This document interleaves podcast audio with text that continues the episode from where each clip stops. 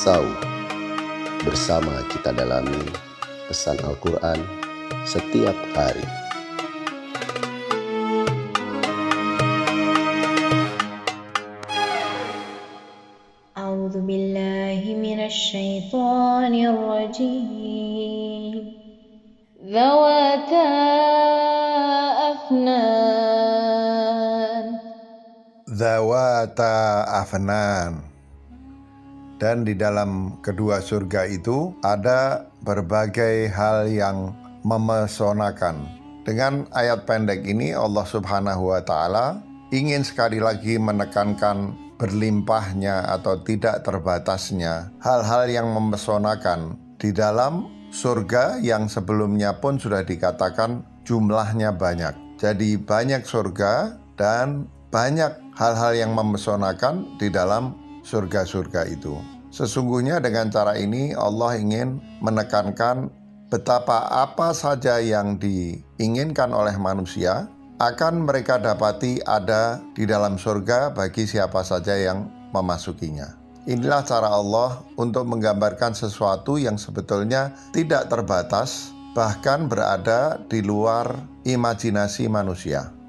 Di dalam sebuah hadis, Rasulullah Shallallahu Alaihi Wasallam bersabda bahwa surga adalah sesuatu yang tidak terbayang, tidak bisa dilihat oleh mata, tidak bisa didengar oleh telinga, bahkan tidak terlintas di hati manusia karena keberlimpahannya, ketak terbatasan nikmat-nikmatnya. Hal ini bagi sebagian orang menunjukkan bahwa kenikmatan yang Allah sediakan di dalam surga adalah sesuatu yang melewati apa-apa yang bersifat fisik. Karena hal-hal yang bersifat fisik mestinya terbatas. Betapapun banyaknya, berbeda dengan hal yang bersifat psikologis atau bersifat rohani.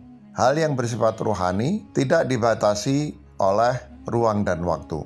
Hal yang bersifat rohani adalah sesuatu yang tak bisa dibayangkan oleh panca indera manusia, bahkan oleh hati manusia. Karena sesuatu yang rohani bersifat paling luhur, bahkan lebih dari perasaan apa pun yang bisa dibayangkan oleh hati manusia. Kiranya ini menunjuk kepada kebahagiaan puncak yang bisa dicapai oleh manusia dan dikejar oleh manusia, yaitu ketentraman berada di sisi Allah Subhanahu wa Ta'ala, atau di dalam ungkapan lain, kebahagiaan bisa memandang wajah Allah Subhanahu wa Ta'ala. Ini sekarang mungkin baru terasa bayangannya saja, atau cita rasa saja, sesuatu yang kita baru bisa membayangkan atau merasakan dalam bentuk mencicipi sebagian kecil. Ada kerinduan kepada Allah Subhanahu wa Ta'ala, bahwa Allah Subhanahu wa Ta'ala sesungguhnya adalah kekasih kita yang kebersamaan dengannya kita kejar, meskipun terkadang sebagai manusia yang makom atau kedudukan rohaninya masih rendah, belum betul-betul merasakan itu. Kita masih merasa bahwa yang kita kejar adalah kekayaan, kekuasaan, ketenaran, padahal semua itu adalah samaran dari kerinduan kita kepada kesempurnaan puncak, yaitu Allah Subhanahu wa Ta'ala kita mengejar harta sebagai sesuatu yang sebetulnya menyimbolkan kesempurnaan. Demikian juga kekuasaan, ketenaran.